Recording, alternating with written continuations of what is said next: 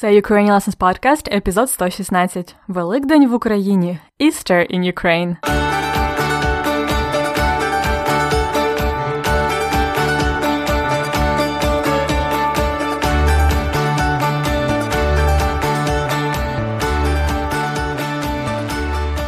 Христос Воскрес! Це Анна, я вчителька української мови, і ви слухаєте подкаст Уроки української. Цього тижня Україна святкує Великдень. Цього року Великдень 28 квітня, а сьогодні 1 травня. До речі, сьогодні ще одне свято.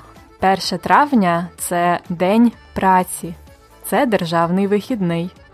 Тому зараз українці багато відпочивають. А ви теж відпочиваєте? Сподіваюсь, що так. Христина працює в школі, а її сусідка Леся вчиться в університеті. Але сьогодні державний вихідний, і вони відпочивають вдома. Далі в епізоді послухайте їхню розмову про традиції святкування Великодня. Також ми розпочнемо зовсім нову граматичну тему. Будемо говорити про речення, про складні, тобто великі речення. То як, готові починати? Brief introduction in English first. This week, Ukraine is celebrating Easter.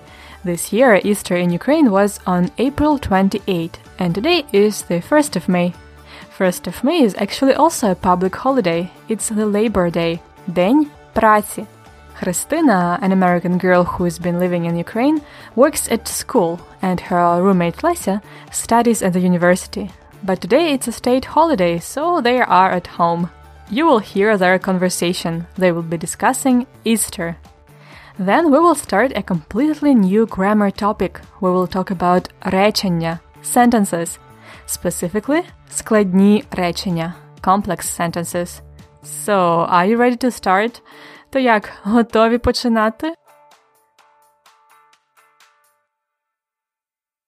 Кожного року навесні українці святкують Великдень. Інша назва цього свята Пасха, Великдень або Пасха. До речі, не переплутайте зі словом Паска. Паска це великодній хліб, Easter bread. Паска. Паска це обов'язкова страва на Великдень. Інший обов'язковий елемент це крашенки і писанки. Ми говорили про них два епізоди тому, пам'ятаєте? Крашанки, писанки. Отже, Пасха це Великдень. Паска це хліб, добре? А зараз послухайте, будь ласка, розмову між Христиною і Лесею про Великдень. Там буде багато всього. Це досить велика розмова, тому ми будемо слухати її частинами. У першій частині ви дізнаєтесь, чому дехто називає свято Великдень, а дехто Пасха. Яке походження слів Великдень і Пасха? What's the origin of those words? Готові слухати? Христино, а що це ти робиш? Дивися, малюю писанку. Мені так сподобався майстер-клас, я досі під враженням. Сідай зі мною. Задоволення. Коли я була малою, це було моє улюблене заняття малювати писанки на Великдень. О, до речі, Лесю, а чому дехто називає свято Великдень, а дехто Пасха? Слово Пасха має давнє єврейське походження. Подібна назва є в італійській, іспанській та інших європейських мовах.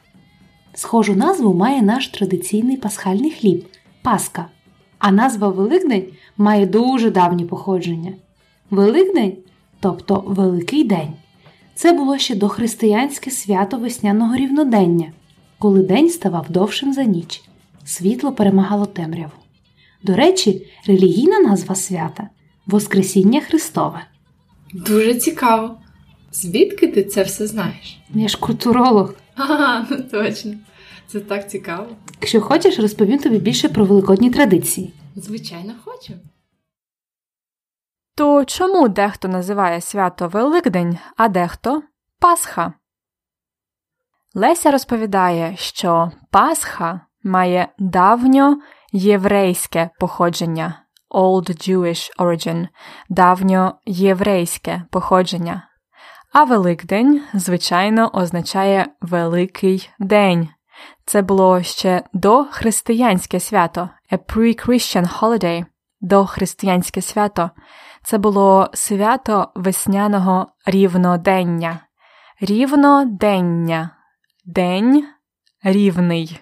Equal to the night. Це коли день стає довшим за ніч. The day becomes longer than night on this day. День весняного рівнодення. Можна сказати метафорично, що тоді світло перемагає темряву. The light overcomes the darkness. Світло перемагає темряву.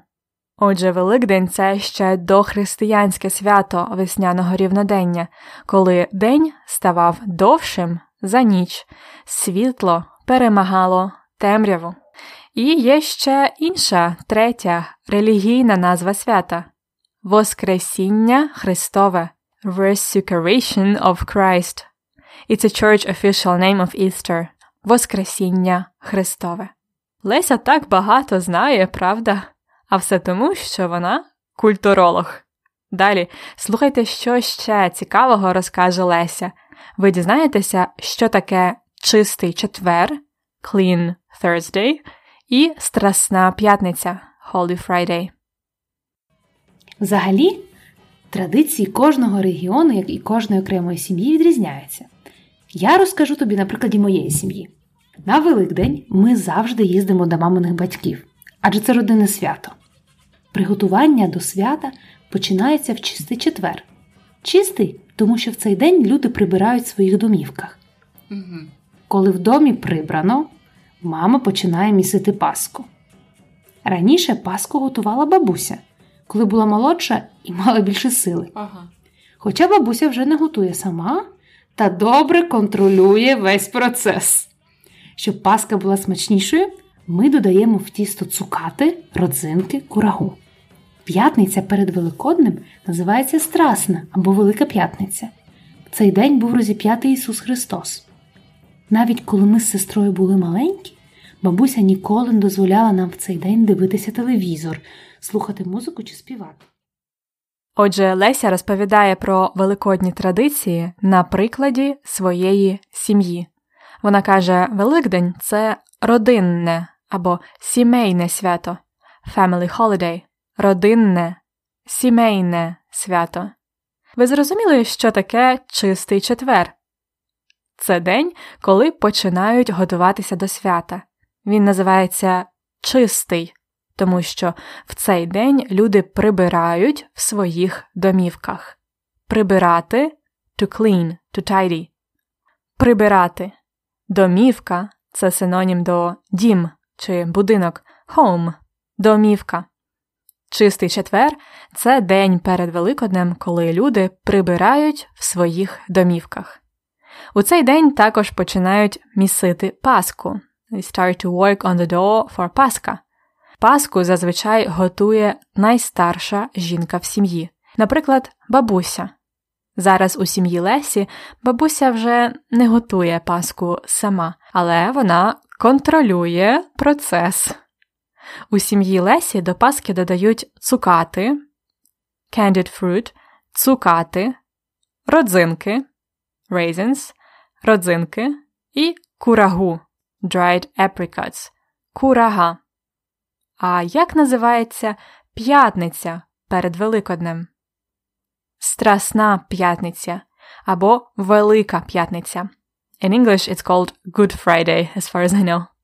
В цей день був розіп'ятий Ісус Христос. On this day, Jesus Christ was crucified. Розіп'ятий. Коли Леся була маленька, бабуся їй не дозволяла, her grandma didn't allow her, у цей день, у Страсну п'ятницю, дивитися телевізор, слухати музику, співати, тобто вона не дозволяла їй розважатися у Страсну п'ятницю, бо це такий важливий і серйозний день Страсна п'ятниця. А тепер слухайте третю частину, щоб дізнатися, що таке Великий піст, Great Fast, Великий піст. А також ви почуєте, як пофарбувати крашанки Ви ж уже знаєте, як е, малювати писанки, а сьогодні ви дізнаєтеся, як малювати крашанки. Слухайте. Взагалі, бабуся завжди дотримується Великого посту перед Великоднем, тобто не їсть продуктів тваринного походження, м'яса, молока, яєць. Увечір п'ятниці багато людей йдуть до церкви. Ну, в суботу ми закінчуємо приготування, мама і тато печуть домашню ковбасу і шинку, дідусь робить хрін, а ми з бабусею відповідальні за крашанки і писанки. Крашанки це яйця пофарбовані в різні кольори. Незважаючи на те, що можна купити штучні фарбники, в принципі, будь-де, і будь-яких кольорів, ми завжди фарбуємо яйця природними фарбниками. Щоб отримати червоний колір, беремо цибулиння і з ним варимо яйця. Ого. Щоб отримати блакитний колір, треба взяти синю капусту. Щоб вийшов, наприклад, жовтий, додаємо у воду куркуму. То чи зрозуміли ви, що таке Великий піст? Піст це a fast, коли люди з релігійних причин не їдять продуктів тваринного походження м'яса, молока, яєць. It's when people don't eat certain products for their religious purposes. Піст. We say Великий піст for the fast before Easter when people don't eat any animal products. Продукти тваринного походження. Products of animal origin. Продукти тваринного походження. Далі, у суботу, тривають приготування. Мама і тато печуть домашню ковбасу і шинку. They bake homemade sausage and ham. Домашня ковбаса і шинка. Дідусь робить хрін. Horseradish sauce. Хрін. It's a very typical and super traditional in Ukraine. А її сестра і бабуся фарбують крашанки. Хоча можна купити штучні фа- фарбники. You could buy artificial paints, штучні фарбники. Але у сім'ї Лесі використовують натуральні фарбники. Natural paints. Які це натуральні фарбники? Ну, наприклад, щоб отримати червоний колір, треба взяти цибулиння і з ним варити яйця. To get the red color, you should take onion peel, цибулиння, and cook it with eggs. Щоб отримати блакитний колір, треба взяти синю капусту. To get a blue color, you must use the blue or violet cabbage. Щоб вийшов, наприклад, жовтий колір, додаємо у воду куркуму. To get, for example, yellow color, add turmeric to the water. Куркума. Turmeric. Куркума. Цікаво? Спробуйте, це працює. І остання частинка буде про великодню літургію Easter Liturgy. Великодня літургія. Слухайте. Коли все готове, складаємо великодній кошик. Дехто святить Пасху в суботу ввечері, а ми святимо в ніч суботи на неділю. Десь опівночі починається святкова великодня літургія, і майже під ранок священник освячує великодні кошики. З цього моменту люди вітають один одного словами Христос Воскрес! і говорять у відповідь Воістину Воскрес! Ого, це все так цікаво. У вашій сім'ї чудові традиції. А поки ти розповідала мені про Великдень, я намалювала свою писанку. Поглянь. У, дуже гарно! Тебе так класно виходить, що ти сама тепер можеш проводити майстер-класи. Дякую, Лесю, і за комплімент, і за таку цікаву розповідь про великодні традиції. Отже, коли все готове, у суботу ввечері складають великодній кошик. Easter basket. Prepare Easter- basket. Великодній кошик. У великодній кошик кладуть яйця, паску, ковбасу, шинку, масло. Важлива традиція святити цей кошик, або, як ми кажемо, святити паску. To bless the Easter bread and other food in the church. Святити паску. Дехто святить Пасху в суботу ввечері, але у місті Лесі, і у мене у місті також, святять Пасху вночі, в ніч з суботи на неділю. О півночі at midnight починається святкова великодня літургія. The liturgy begins. І майже під ранок священник освячує великодні кошики. And just before dawn, the priest sacrifice or blesses the Easter baskets. Священник освячує або святить великодні кошики. З цього моменту люди починають вітатися словами Христос Воскрес і говорять у відповідь Воістину Воскрес. Ми говоримо ці слова як добрий день, як привіт кожного дня під час тижня після Великодня. Ось так стільки цікавого ми дізналися від Лесі. А поки вона розповідала, Христина домалювала finished painting свою писанку. Супер! А перед тим, як ще раз послухати діалог, будь ласка, повторіть за мною деякі нові слова. Пасха, Великдень, Easter, Пасха, Easter bread, Єврейський, Jewish, дохристиянський, Pre-Christian, темрява, Darkness, світло, Light, родинне або сімейне свято. Family holiday. Прибирати. To clean, to tidy. Домівка. Home. Шинка. Ham. Хрін. Horseradish or horseradish sauce. Штучні фарбники. Artificial paints. Натуральні фарбники. Natural paints. Куркума. Turmeric. Великодній кошик. Easter basket. Святити Пасху. To bless the Easter bread and other food. Домалювати. To finish painting. Добре. А тепер послухайте, будь ласка, повну розмову про Великдень.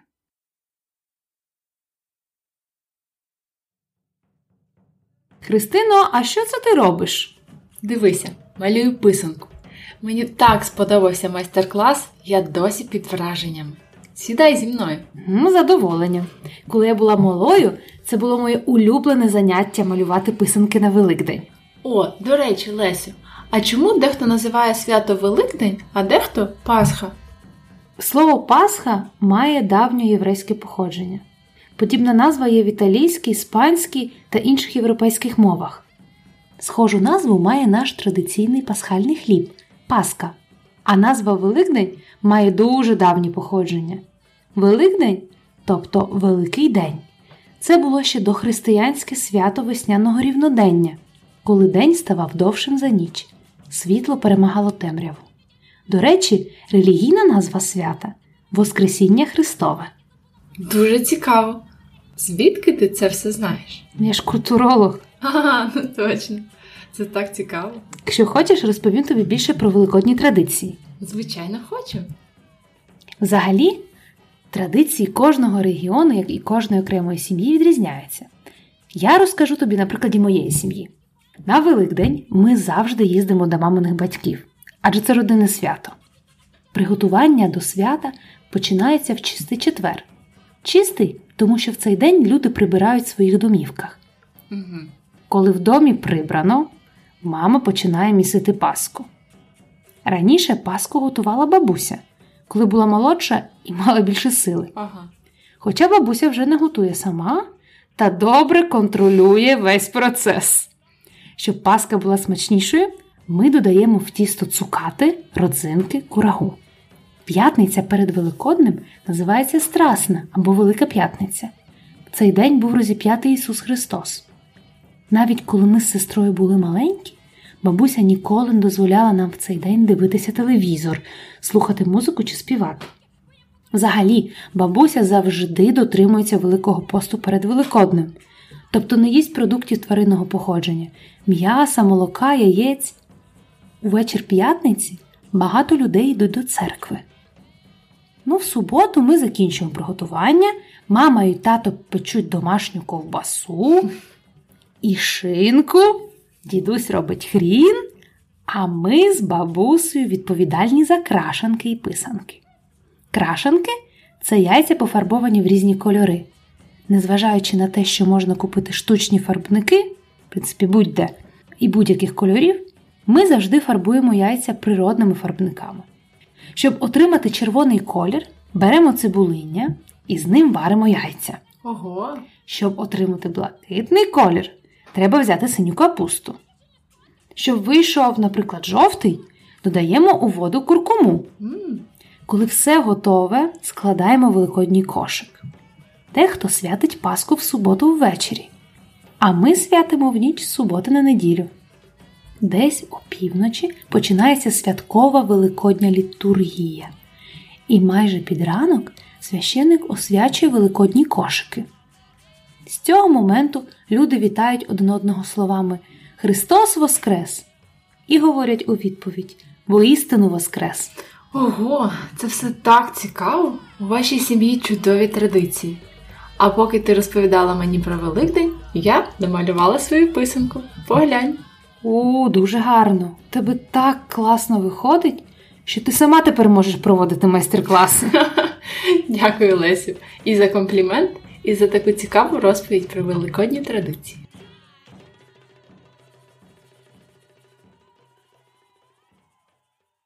In the grammar section today, I would like to introduce the concept of complex sentences, складні речення. This is actually a complex topic, so I will today just present it to you in general, with some examples from the dialogue. Then you can find a two-page table about all the adverbial types of the complex sentences in the lesson notes of the today's episode. Also, you can find more information about Ukrainian sentences on our blog. So, складні речення, complex sentences, consist of at least two actions, two parts. Usually we separate them with a comma. Today I would like to show you some examples of складнопідрядні обставинні речення, complex sentences with adverbial clauses. Why adverbial? Because the relations between two parts of the sentence answer the questions of adverbs, like when, where, to what extent. Depending on that relation, there are different kinds of sentences. Listen to one example from the dialogue. Коли я була малою, це було моє улюблене заняття малювати писанки на Великдень. Коли я була малою, це було моє улюблене заняття малювати писанки на Великдень. When I was a little kid, painting Easter eggs was my favorite pastime. Painting Easter eggs was my favorite pastime when? When I was a little kid. This is an adverbial clause of time. Коли? When. Це підрядне обставинне речення часу. You can use such linking words to express time relations. Коли, поки, until, доки, while, відколи, since, відтоді, also since, з тих пір, як, also since. I think actually knowing the proper grammar names of those sentences is not so important for you, unless you're a grammar geek. But it's useful to keep in mind those linking words you can use when speaking and writing in Ukrainian. Now, listen to the example of another sentence type. Якщо хочеш, розповім тобі більше про великодні традиції. Якщо хочеш, if you want, я розповім тобі більше про великодні традиції. I will tell you more about Easter traditions. I will tell you more about Easter traditions on what condition, if you want. This is adverbial clause of condition, підрядне обставине, умови. Умова, condition. For condition in Ukrainian we use two linking words, which are quite different, although they sound very similar. Якщо is if, і якби, also if or if only. Яка різниця? What's the difference between them? Якщо is used for the present condition, the realistic one. Якщо хочеш, я розповім тобі більше про великодні традиції. If you want, I will tell you more about Easter traditions. Якщо хочеш, if you want, it's completely realistic situation. And on the other hand, якби is used with a hypothetical or unreal condition in the past tense. For example, якби я мала мільйон, я б купила будинок своєї мрії в Карпатах. If I had a million, I would buy the house of my dream in the Carpathians. Note how we use the past tense. Якби я мала мільйон, мала, я б купила будинок своєї мрії в Карпатах. It's a conditional sentence. We will talk about these kinds of sentences a bit later on the podcast in the season 3. So, again, якщо is a real condition, якби is a hypothetical or unreal one. I hope uh, my dream about that house is not unreal though. And now one more example of another type for you. Незважаючи на те, що можна купити штучні фарбники, в принципі, будь-де, і будь-яких кольорів, ми завжди фарбуємо яйця природними фарбниками. Незважаючи на те, що можна купити штучні фарбники, ми завжди фарбуємо яйця природними фарбниками. Despite the fact that it's possible to buy artificial paints, we always paint eggs with natural paints. Here we have незважаючи на despite. This is a relation of concession. Допуст – це речення допустове. You can use such linking words as хоч, хоча, although, дарма що, notwithstanding. This one is a bit old-fashioned in Ukrainian too. Незважаючи на, in spite of, despite, попри, also in spite of. They are all roughly synonymous. Хоча я люблю співати, я ніколи не співаю на людях. Although I like to sing, I never sing publicly. Звичайно, ніколи. Попри те, що я люблю співати, я ніколи не співаю на людях. Так само. So, we've looked at just three types of adverbial clauses, and there are about nine of them.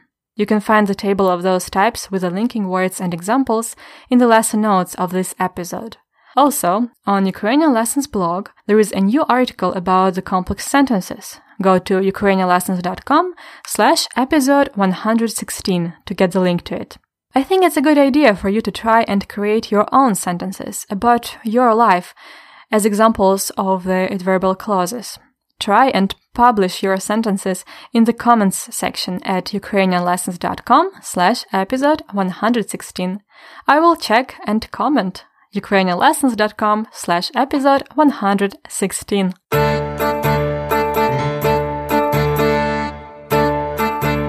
Дієслово дня. Послухайте, будь ласка, уривок діалогу з дієсловом дня. Приготування до свята починається в чистий четвер. Чистий, тому що в цей день люди прибирають в своїх домівках. У чистий четвер люди прибирають в своїх домівках. People clean their houses. Прибирати це дієслово дня. It has two main meanings. Прибирати. To take away, to gather, like прибирати іграшки, to put the toys away. Or to tidy, to clean up. Прибирати в кімнаті. To clean the room. We say прибирати вдома, прибирати в кімнаті. Perfective form прибрати. Як буде в теперішньому часі? Прибирати. Я прибираю. Ти прибираєш. Він прибирає. Яка це дієвідміна? Це перша дієвідміна. Єш. Ми прибираємо. Ви прибираєте. І вони прибирають. У минулому часі він прибирав, а доконаний вид він прибрав, прибирав, прибрав. Наприклад, я довго прибирала в кімнаті і нарешті прибрала. I've been cleaning my room for a long time, and I finally cleaned it. І майбутній час недоконаний вид. Я буду прибирати сьогодні ввечері. А ви будете прибирати сьогодні. А як буде майбутній час доконаний вид прибрати? Я приберу. Так само, як брати я беру. Ти прибереш. Він прибере. Ми приберемо. Ви приберете. І вони приберуть. І, до речі, як сказати у наказовому способі? Imperative. Діти, приберіть у кімнаті. Максиме, прибери у кімнаті. Приберімо разом, каже Максим. А коли ви приберете у себе в кімнаті? Фразологізм дня. Христина вкладає душу у писанки, тому вони у неї такі гарні. Христина is doing her best, is putting her heart into making писанки. That's why they turn out to be so pretty. Фразологізм дня містить слово душа soul that we use very often in the idiomatic expressions in Ukrainian. It's like metaphorical heart in English. Вкладати душу, literally to put your soul into something, to try your best in doing something, to put your heart into something. Христина вкладає душу у писанки, тому вони у неї такі гарні. Інший приклад. Я вкладала душу у цей подкаст, і я рада, якщо він вам подобається. I put my heart into this podcast, so I'm happy if you like it. Я вкладала душу у цей подкаст і рада, якщо він вам подобається. А у що ви вкладаєте душу?